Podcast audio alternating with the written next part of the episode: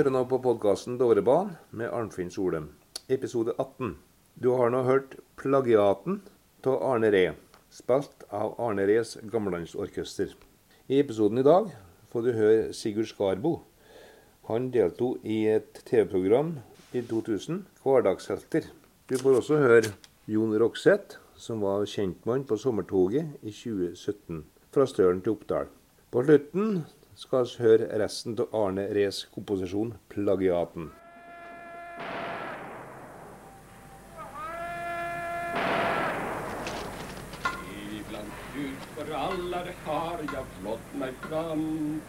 Det, det var jo hardt. Når man begynte om morgenen, så var det i ett eneste kjør. Det var ikke å henge baken ned på en stein og sette seg og fortelle skrøner og den duren der, altså. Eh, Det var bare å stå på. Der var det et fast lengde man måtte legge per dag, og det kaltes for et kobbel. Og det var 420 meter. Blant annet så måtte svillene bæres ut. Bare for eh, håndmakt. Vi la dem på skuldra, og en, sånn sville hun var vel i Vilanta eh, rundt en 80-90 kilo, med plata på. Vi fant jo på mye rart. Vi var jo sprek, som ungdommer flest. da. Og vi kom på en dag at vi skulle se hvor lang tid vi brukte for å, å, å bære ut ei sånn eh, svilletralle. Men heldigvis så fikk basen se det der. For vi sprang jo eh, med svillene bortover. Og da uh, uh, ropa basen 'Gutter, gutter, stopp!' Det der skulle han ikke ha noe av. Tenk om dere faller med en sånn sville på skuldra. Det kan være det siste fallet. Et lite wienerbrød bakeri.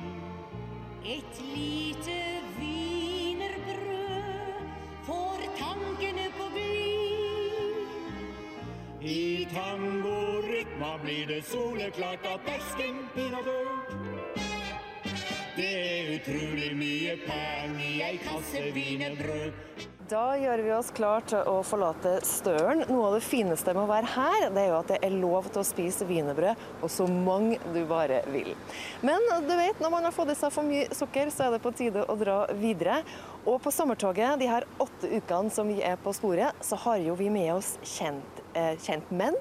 For det er viktig at vi får informasjonen riktig på veien. Og på denne strekninga, på gårsdagens og denne strekninga, så er den kjentmannen deg, Jon.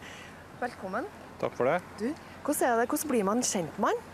Nei, For mitt tilfelle så meldte jeg meg jo på til Norsk jernbaneklubb, som eh, etterlyste og gikk ut og etter interesserte som kunne tenke seg å gjøre den jobben. da.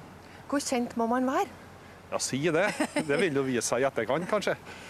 Det, men sånn greit kjent, liksom. Jeg kan jo ikke alle detaljene om strekning, om hvert enkelt sporveksel og hver enkelt stasjon, men sånn i hovedsak så vet jeg hvor det går hen. Men hvor er du hen fysisk når toget går?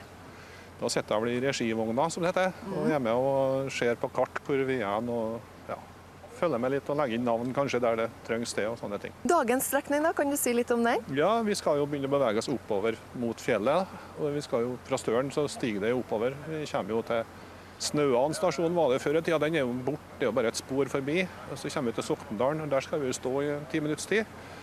Deretter så fortsetter vi oppover mot Berkåk. Vi passerer Buvatnet, og da er vi på Berkåk. Og da er vi i Rennbu. Så Berkåk er vel administrasjonssenteret for Rennbu kommune. Da har vi kommet til Orkla, egentlig. Fra Berkåk igjen da, så er vi på, skal vi krysse Orkla, flott steinhvelvsbru. Det er jo meget fin, en av Norges største, så vidt jeg vet. Tøft. Og så går vi rett inn i en tunnel, og etter hvert da, så er vi nå på nærmere oss Fagerhaug. Eh, Med nytt flyplass og litt forskjellig der. Og da er vi straks på Oppdal, altså. Da er vi straks på Oppdal. Ja. Da får du gå inn og hjelpe dem i regien som ikke klarer seg uten deg. Ja, du skal ha takk for det.